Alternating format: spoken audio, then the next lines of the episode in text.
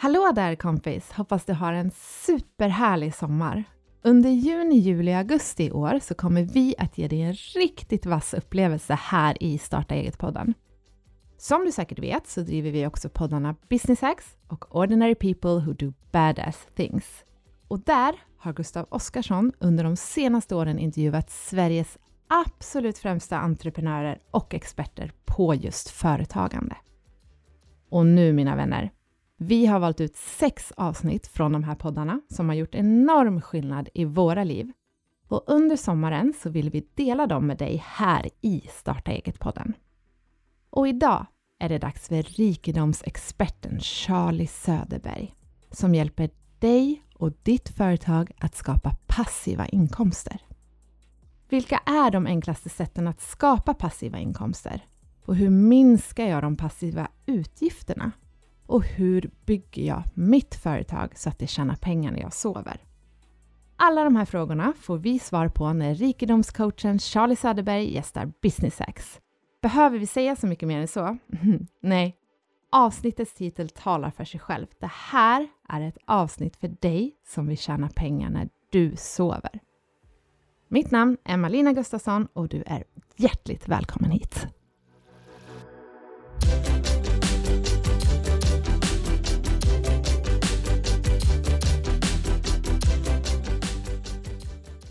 Välkommen till Business Hacks, Charlie Söderberg. Tack så mycket. Hur mår du? Det är jättebra. Ja. Jag åkte till fel studio så att jag har fått eh, snabbköra mig i, genom stan här på en eh, elsparkcykel. Så jag har Ja. mycket syre i kroppen. Härligt och mycket energi hoppas jag. Mycket energi. Ja. Det här blir ju din andra gång i Business Hacks. Vi Vad roligt att komma tillbaka. eh, en livepodd med dig i, på vårt evenemang Business Hacks i Nacka, Mm. vilket nu är ett och ett halvt år sedan. Mhm. Så jag tyckte det var hög tid och vi tänkte först, Kommer du ihåg live när man träffade människor? Att det var, det var liksom... jag minns knappt hur det var. Vi hade ju som mest hade vi ju 16 event per år, mitt företag, turnén, Business Hacks.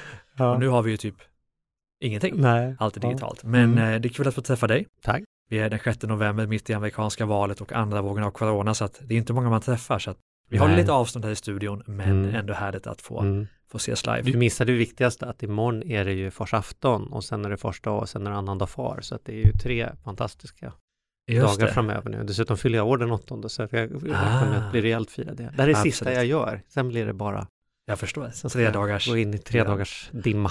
Och jag Mm. tänker att alla som lyssnar på detta är oerhört intresserade av det. Nej, skämt åsido, det är klart att de är. Ja. Men vi kommer dela upp det här eh, egentligen avsnittet i två avsnitt. Mm. Eh, det avsnitt som kommer efter detta kommer vi snacka om de olika projektfaserna, både i bolag och i livet, som är jätteintressant. Mm. Men vi lämnar det där här nu, så Mm. ni som lyssnar får kolla in nästa avsnitt efter detta också. Ja, som en liten cliff. Men det vi ska snacka om idag, som Mm. du är duktig på och har jobbat med i många år, det är ju passiv inkomst. Hur Yes. skapar man det, både privat och i bolaget? Mm. Varför är du expert på det? Eh, Jag, är, jag ogillar ju begreppet expert från början, men jag har varit engagerad i frågan i alla fall i 20 år, någonting sånt. Mm. Och det började ju, jag jobbar ju som rikedomscoach och eh, har hjälpt många bolag och privatpersoner att designa sitt liv så att de får ut det de vill. Och en sak som återkommer ofta eh, i de samtalen, det är ju att man vill ha en bra finansiering av sitt liv. Man vill se till att det flödar in ordentligt med pengar, Mm. men man vill inte eh, hålla på och jobba hela tiden. Mm. Och det är ju precis det som passiv inkomst handlar om. Alltså kan jag bygga någonting i mitt liv eller i mitt företag som gör att det kommer in pengar oaktat om jag är där och lägger min tid eller inte. Mm. För det är det de flesta, det är den där lottomiljonärgrejen, 25 000 i månaden i 25 år utan att behöva göra någonting. Just det. För det är ju inget svårt att, och ärligt talat är man företagare är det egentligen inte skitsvårt att få mycket pengar. Det är Mm. bara att jobba dygnet runt som en idiot och åka Mm. omkring och, och rycka lur. Mm. Men, och det är inte svårt att ha gott om tid heller. Mm. Det är bara att inte gå upp på morgnarna. Men det kluret är hur får jag både tid och pengar samtidigt? Mm. Och det är ju en glödhet fråga både för, för privatpersoner och för företagare och därför har jag hamnat mycket i den de Mm. senaste 20 åren skulle säga. Bland annat då som ägare av balansekonomi, Mm. eh, Lyxfällan, Mm. eh, Plus har du varit i och Just det, det är ju många då din egen, två poddar till och med va? till och med det. Ja, mm. Rikedomspodden och Ja. Ekonomi på riktigt. Du ser, så du kan din ekonomi. Ja, det får man säga. Mm. Men ska vi hoppa direkt in då? Vi kan väl ta att andra delen av avsnittet handlar om passiva inkomster som företagare. Aha. Men om vi, jaha, säger Mm. du? Jag ja, säger- nej, jag är bara följsam. ja, exakt. Ja. Men första delen tänker jag då eh, som privatperson, för alla som lyssnar driver ju företag, men de är ju Mm. också, tro det eller ej, privatpersoner. Ja, det är ju ofta så med företagare att man har en investering mm. och det är det bolaget man jobbar i. Mm. Och där jobbar man som en tok och man jobbar dygnet runt och man har en oklar exitplan eller en klar exitplan, men mm. det är i alla fall eh, om man bortser från det faktumet att man arbetar i bolaget så kan mm. man säga att man har lagt väldigt mycket investering på ett och samma ställe. Mm. Hade man kommit från utsidan och, och tittat och så hade man ju sagt så här, den här portföljen är väldigt obalanserad. Det är ett bolag du äger till 100 och sen väldigt få andra. Mm. Går det bra för det här blir det mycket pension, men går det dåligt för det här då har du ingenting. Yeah. Så till att börja med så skulle jag säga att, att många företagare behöver bli bättre på att titta på sin privatekonomi särskilt från sin företagsekonomi. Mm. Eh, och där dyker problemet upp att den känns oftast ganska liten och väldigt beroende av företagsekonomi. Så mm. det är mm. liksom när det blir ekonomimöte, då har en tendens att bli så här, hur ökar vi försäljningen på bolaget? Mm. Inte hur ser vi till att vi har pengar över när månaden är slut hemma? För det, mm. blir, det, det är ju en nolla mindre på alla siffror, minst. Och så känns det lite så här, ah, det där kan vi väl ta sen, liksom. nu är det här. Men, men det är ju faktiskt det där i slutändan det handlar om. Det är ju faktiskt oss emellan inte så jädra viktigt om bolaget omsätter 2 miljoner eller 20 miljoner. Det som är intressant är ju hur mycket pengar hamnar faktiskt i min ekonomi i slutändan mm. och hur mycket tid behöver jag upp för att det ska hända.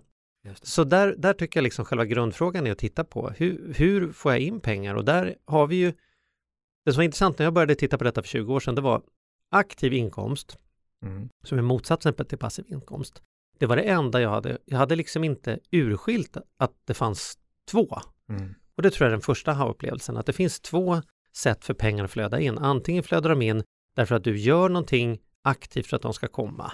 Mm. Du knackar dörr och säljer jultidningar liksom. Mm. Eller så kommer de in passivt därför att du hyr ut din bil via en app så att när du är på jobbet är det någon annan som kör runt i din, i din bil oavsett mm. om du är engagerad eller inte så klingar in pengar på mm, kontot. Liksom. Kan vi då börja i det privata som sagt? Mm. Alltså, vilken typ av privatekonomiska passiva inkomster finns det eller vilka är de vanligaste? Den som de absolut flesta har mm är ju att man har räntor. Mm. Eh, man har en liten ruta på deklarationen som är, är i stort sett obefintlig, men man har fått några 14 mm. kronor på räntor.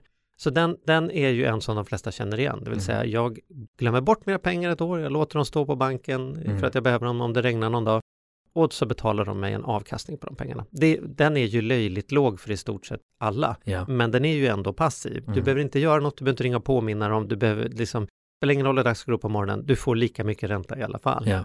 Den andra de flesta människor har, eh, i alla fall om man har kommit så pass långt på sin ekonomi och driver bolag, det är väl att man får aktieutdelning på sin aktieportfölj. Så mm. är man mm. direktägare i aktier och de bolagen lämnar aktieutdelning, då mm. kommer de pengarna till mig. Mm. Eh, det är ganska vanligt att man försöker tänka så om man är lite mognare med sin investering, att man kanske vill ha en utdelningsgenerös portfölj, det vill säga jag köper inte för att det ska gå upp eller gå ner eller är det rea nu eller sånt, utan jag samlar på mig saker som ger mig utdelning varje år. Bolaget går med vinst, mm. det går med vinst delar de ut aktier, eh, delar de ut vinsten till mig som aktieägare och därmed så får jag en passiv mm. inkomst.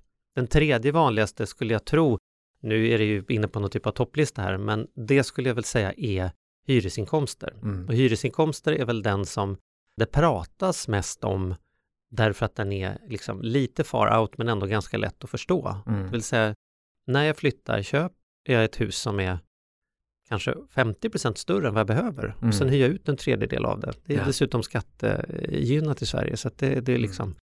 Goda sätt att, att, få in en inkomst. Eller mm. istället för att köpa en lägenhet, köp ett litet hyreshus och som bor i en av lägenheterna, hyr ut de andra. Mm. Istället för att sitta på sommarstugan två veckor per år, mm. varför inte hyra ut de 40 av de där 52 veckorna och sen har du dina egna 12 veckor eller, eller vad man gör för någonting. Så hyresinkomster och det kan vara att hyra ut via Airbnb, det kan vara att köpa en lägenhet i ja. Spanien och hyra ut den. Ja. 40 veckor, ha den 12 mm. själv och ha den mm. gratis eller till och med tjäna pengar på den. Mm. Och det mm. kan ju lika gärna vara, ja i och för sig fastigheter är fastigheter, men det kan ju också lika gärna vara att hyra ut andra saker. Som mm. du sa, att hyra ut en bil eller att hyra ut verktyg. Ja, men eller det, vad den kan det, vara. Och det har, där tycker jag, det är det roligaste med passiva mm. inkomster nu när det gäller att möjligheten att hyra ut saker. Därför att det har gått ifrån att vara fult eh, i folkmun på något sätt. Liksom. Mm. Men gud, hålla på, det är mycket gnäll det här om att jag vill inte att andra människor ska hålla på och fippla med mina grejer. Mm. Nej, det, det, är liksom så här, till att idag pratar man istället om det som delningsekonomi och man mm. pratar om det som klimatsmart och, och mm. jag är ju själv en stor hyrare. Jag mm. hyr min el, elsparkcykel per minut, jag hyr mm. min borrmaskin, jag hyr min cykel när jag ska ut och cykla på en, en helghyr, jag hyr bil per minut eller hyr den över en helg. Alltså mm. jag hyr, hyr, hyr, hyr, hyr. Mm. Jag tycker det är mycket bättre för mig att ta den aktiva utgiften när jag aktivt ska gå ut och göra någonting mm. än att ha en passiv utgift på 5-6 tusen i månaden bara för att ha en bil som jag med en trapp, knapptryckning kan öppna. Då mm. kan jag använda en app istället och så sparar jag de 5-6 tusen i månaden. Det och det här är liksom andra delarna, delen av det. Passiva utgifter har de flesta massor. Vi har mm. hyra, vi har skatt, vi har försäkringar, vi har yeah. 80% av allt är liksom redan utmätt innan vi ens har börjat göra något kul. Yeah. Men vi kanske har en eller två procent passiva inkomster, mm. så vi behöver jobba 98% av alla pengar behöver vi jobba stenhårt för att de ska komma in, men mm. sen försvinner 80% av dem utan att jag ens har börjat göra något kul. Mm. Och drömmen är att man skulle vilja ha det tvärtom. Va? Man mm. skulle vilja att 80% av pengarna kommer in oavsett om jag går upp på morgonen eller inte. Och sen är det 98% av dem kvar mm. efter att jag har liksom betalat de fasta kostnaderna. Intressant, för passiva utgifter har vi inte hört så mycket om. Det ska man verkligen ta en tänk på. Ja, det där är ju, vi, vi jobbar ju med våra deltagare på balansekonomi så är det nyckeltal som vi tittar på. Hur mm. ser de aktiva och passiva inkomsterna, de aktiva och passiva utgifterna och så mm. mäter vi ekonomisk trygghet och ekonomisk frihet över tid mm. som, eh, liksom, som procenttal. Det vill säga hur mm. mycket av dina passiva utgifter, dina överlevnadskostnader mm. täcks av dina passiva inkomster, det vill säga pengar som kommer oavsett om du går till jobbet eller inte. 100% ekonomisk trygghet är alltså när det kommer in tillräckligt mycket pengar när du sover mm. för att betala de där hyra och skatt och försäkring. För att överleva mat, egentligen. För att överleva.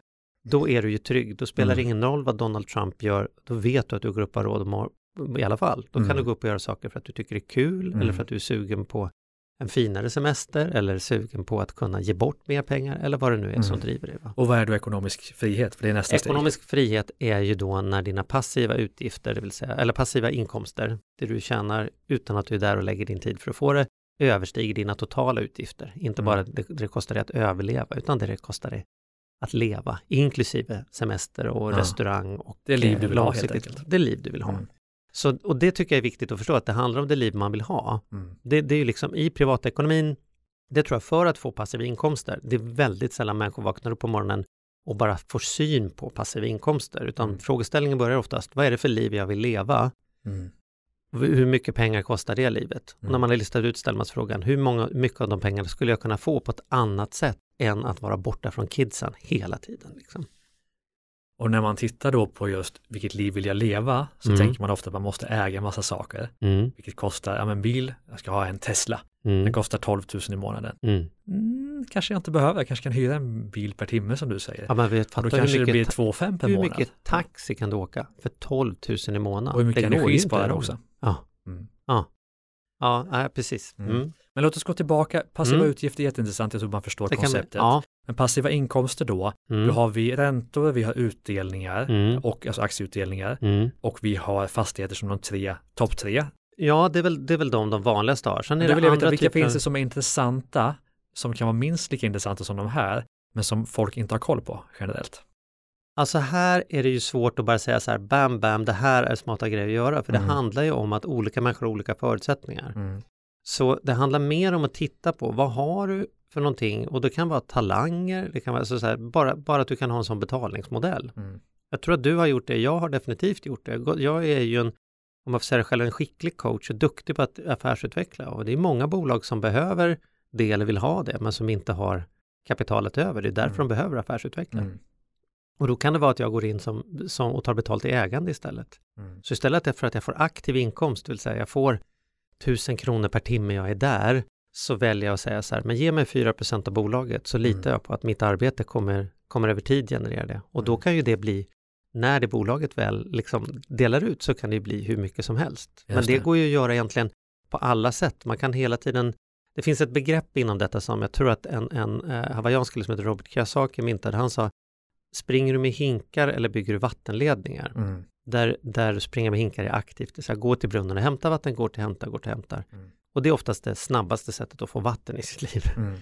Men om du bygger en vattenledning, då kommer vattnet in i ditt kök oavsett om du springer eller inte. Mm. Det tar betydligt längre tid att bygga en vattenledning. Mm. Eh, så att ibland missuppfattas giva inkomster som när sådana här pyramidspelssnubbar håller på att säga som att man får pengar utan att göra någonting. Mm. Så är det inte, utan det handlar om att man gör oftast ett minst lika hårt jobb. Men man gör under en begränsad tid och man gör det strategiskt för att sen kunna frikoppla sin tid och göra annat. Mm. Skriva böcker är väl en klassiker. Mm. Man skriver boken en gång, man får inte betalt per ord, mm. man får inte betalt för vecka man skrev, man får betalt för hur många som säljs mm. år efter år. Exakt. Webbkurser. Webbkurser är väl jättemycket dem, sånt. Ja, mm. precis. all typ av royalty yeah. inkomster och, och, och, den typen av, av eh, affärsupplägg. Kan vi komma Skriva på fler? Jag tänker folk tycker det är kul med att utveckla fantasin kring det här. Mm. Har du hört någon skojiga, kul, häftiga exempel på folk som har hittat passiva inkomster? Ja, men jag har ju varit med på många resor. En rolig tyckte jag var en, en konstnärinna som sa, men jag kan i alla fall inte ha några passiva inkomster. För att jag, alltså, jag målar ju tavlor, jag kan inte leja ut till någon annan och måla tavlor. Eh, och hon kom på att det kunde hon visst det, för hon kunde göra var att hon kunde måla tavlorna och istället för att sälja dem så, mm. så skapade hon ett abonnemang för kaféer, där kaféer mm. hade hennes tavlor x antal veckor och sen byttes de. Så hon målade tavlan en gång och sen hyrde hon ut den tolv gånger. Och de som var gäster i kaféet kunde dessutom satt en prislapp så man kunde köpa tavlan mm om man ville ha och då fick kaféet dessutom eh, en provision på det. mm Så hon tog bort kostnaden för att ha galleri. Hon fick eh, fasta eh, passiva inkomster varje månad från de kaféerna som hyrde hennes, hennes konst. Mm. Och alla blev glada. Gästerna hittade grejer de ville köpa. Eh, kaféerna hade, hade mycket trevligare, mysigare miljö, kunde mm. öka sin omsättning. Och bara för att man tänker liksom annorlunda kring vad är det egentligen? Och det var inte som att det var hennes jobb, det var hennes hobby. Hennes hobby mm. var att, att måla tavlor på fritiden. Intressant. Men vi börjar ändå dra oss lite mot företagandet mm. och passiva inkomster i företaget. Mm. Och det snackas ju mycket om skalbarhet men också om prenumerationsmodeller är ju ja. väldigt inne och ja. SaaS-lösningar, alltså mm. services, mm. software. Services as software, software as a service. Jag vet inte, jag säger alltid fel. Ja. Men, men, låt oss komma in där då. Mm. Hur ska man tänka för att skapa, eller för att tjäna pengar när man sover i bolaget? Ja, men du är ju inne på en, en det här är ju en tydlig trend. Det mm. finns en anledning till att, att alla de här hemvideokedjorna som står och, och kränger eh, DVD-uthyrning mm. om dagen eh, går, går omkull på löpande band mm. och Netflix går som det går. För kan man få 59 kronor eller 99 kronor från, människor, från människor om och om igen så är det klart en, en eh, bättre affärsmodell än att behöva sälja om och om igen. Mm. Så all typ av, av abonnemangstjänster man kan skapa om man har en bra marginal på den affären. Ibland mm. så ser de ju inte bra ut och behöver enorma volymer för att de ska bära sig. Det, det, då tycker jag nästan man tar mer affärsrisk än man mm. behöver. Men är ju exempel på passiv inkomst. Jag tycker man gör smart i sitt bolag att, att, att i alla fall ställa sig frågan om man ska ha flera sådana produktlinjer. Att man ska ha en långsiktig eh, passiv inkomstprodukt där vi, där vi bygger upp ett stort underlag under tid och vi, vi tjänar det droppar ur vattenledningen hela tiden och det blir mm. inga massiva saker från början. Och sen så har vi hinkprojektet parallellt med det. Det är, mm. det är inte helt ovanligt att man tänker att här har vi liksom bread and butter-affären och här har vi liksom skalbarhetsaffären. Mm. Problemet med de här eh, passiva inkomsterna för att de ska vara återkommande i ett bolag är ju att de behöver vara personoberoende. Det vill säga man mm. måste bygga det på ett sätt så att det är goda nyheter om det blir tre gånger så stort. Mm. Största utmaningen i företagande tror jag är att man man låtsas att någonting är passivt, fast det inte är det. Mm. Exempel? Ja, men ja, så man ska knäta på någonting då, då. Men säg att vi har så här, vi har en, eh, vi har en butik, men nu har, vi, nu har jag en webbshop och där tjänar jag massa pengar. Mm. Liksom. Det, och så säger man, det är passiva inkomster, jag, jag behöver inte göra någonting. Mm. Men det är inte sant för att man behöver kolla lagersaldo, man behöver hålla på och beställa, man sitter och översätter texterna själv, man eh, packar produkterna eller åtminstone går och hämtar de ungdomarna som ska passa produkterna. Mm. Och blir då det över en natt tio gånger större, då har man inte goda nyheter, då har man problem, för det mm. var inte så passivt. Det var en vattenledning som funkar om jag håller på tre ställen och då får det fan inte bli mycket vatten mm. i det, för då blir det tungt att hålla. Men när är det då passivt? Ja men passiv brukar vi säga, om du har en verksamhet som du kan åka ifrån i ett år mm. eh, och när du kommer tillbaka är den mer välmående än vad den var när du åkte, mm. då är den passiv. Mm. Om du åker bort ett år och kommer tillbaka så är det bara Kronofogden och blåljus som möter dig i entrén, yeah. då är den aktiv oavsett om du har anställda eller inte. Mm. Anställda är ingen garanti för att du bygger någonting som, är, som, som har en passiv kvalitet. Och för mm. övrigt, passiv kvalitet ökar ju också dramatiskt eh, exitmöjligheten. För det gör ju att om det inte behövs en Gustav Oskarsson för att driva det, mm. då kan ju också en rad andra människor köpa det. Men måste jag redan vara en etablerad, smart, duktig poddpratare för att ta över den här podden, mm. då är det ju listan väldigt få människor som kan köpa det. Mm. Kan du ge exempel på bolag med en passiv inkomstmodell? Som inte är alltså en Netflix, för de känner vi ju till, men mindre bolag. mindre bolag, jag tänkte säga något större bolag, jag tänkte säga McDonalds som mm. är överhuvudtaget ett fastighetsbolag, är väl en sån sak som många mm. missar, tror att det är hamburgarna de tjänar pengar på. Ja. Ja, men många små bolag gör ju nu webbkurser och den mm. typen av saker. Eh, jag känner flera ljudboksförlag som har fått möjlighet att, att hjälpa lite grann. Mm. Det är väl ett typexempel på, på den typen av verksamhet där, där mm. produkten görs en gång och sen så ligger den ute där och det är en automatiserad försäljning och de kan tanka ner den själva. Och, mm. och sen kan man ju förstås marknadsföra själv mer och man kan vara ute mm. och prata för sin vara så kan man öka omsättningen. Men mm. det, är, det, är liksom, det är någonting annat, det är vad du väljer att göra med den mm. passiva inkomsten du har på sätt och vis. Eh, många bolag jobbar ju med, med uthyrningstjänster till höger och vänster. Och mm. Så det är ju också väldigt vanligt. Jag tycker många, man kan se restauranger nu som försöker göra det, abonnemangskassar och den typen av saker. Och mm. hade en underklädesbutik som, som vi jobbade med affärsutveckling för som hade det, att, att de var experter på att se till att kvinnor hade rätt storlek på underkläderna. Mm. För de hade gjort en undersökning och kommit fram till att, jag tror att de sa att 89% av alla kvinnor har fel storlekar på sig. Mm. Vilket är helt sjukt. Och då, så problemet med det är dels så sitter det inte bra, men dels går de här kvinnorna omkring och tror att det är något fel på deras kroppar. Mm. När det själva verket är bara att de inte har, de har bara använt de sex standardstorlekarna som de har hittat på det där stora varuhuset. Mm. Så, så de hade en marknad som betydde att, de, att folk eh, fick mäta sig på längden och tvären och så kunde de plocka fram schyssta grejer som satt liksom kanon, mm. hög kvalitet, exklusivt. Men det är butik och det ska hållas lager och du förstår ju själv att om vi går från sex storlekar till 60 mm. storlekar så är det ju mycket lager att hålla yeah. om man vill ha det senaste. Så band ju fruktansvärt mycket kapital. Och där vi, vi tittade på Nell som istället byggde så här, låt folk mäta sig en gång, ta ett glas champagne, mysig kväll, man mäter sig med, med vänner och sen så har man ett abonnemang där man skickar hem paket med underkläder, med badkläder, med annat varje månad och det du vill ha behåller och det andra skickar du tillbaka. Mm. Jag menar, då har du ökat graden av passivitet i liksom din produktkatalog. Mm. Och det behöver ju inte vara 100% passivt. Nej. Varje procent passivt.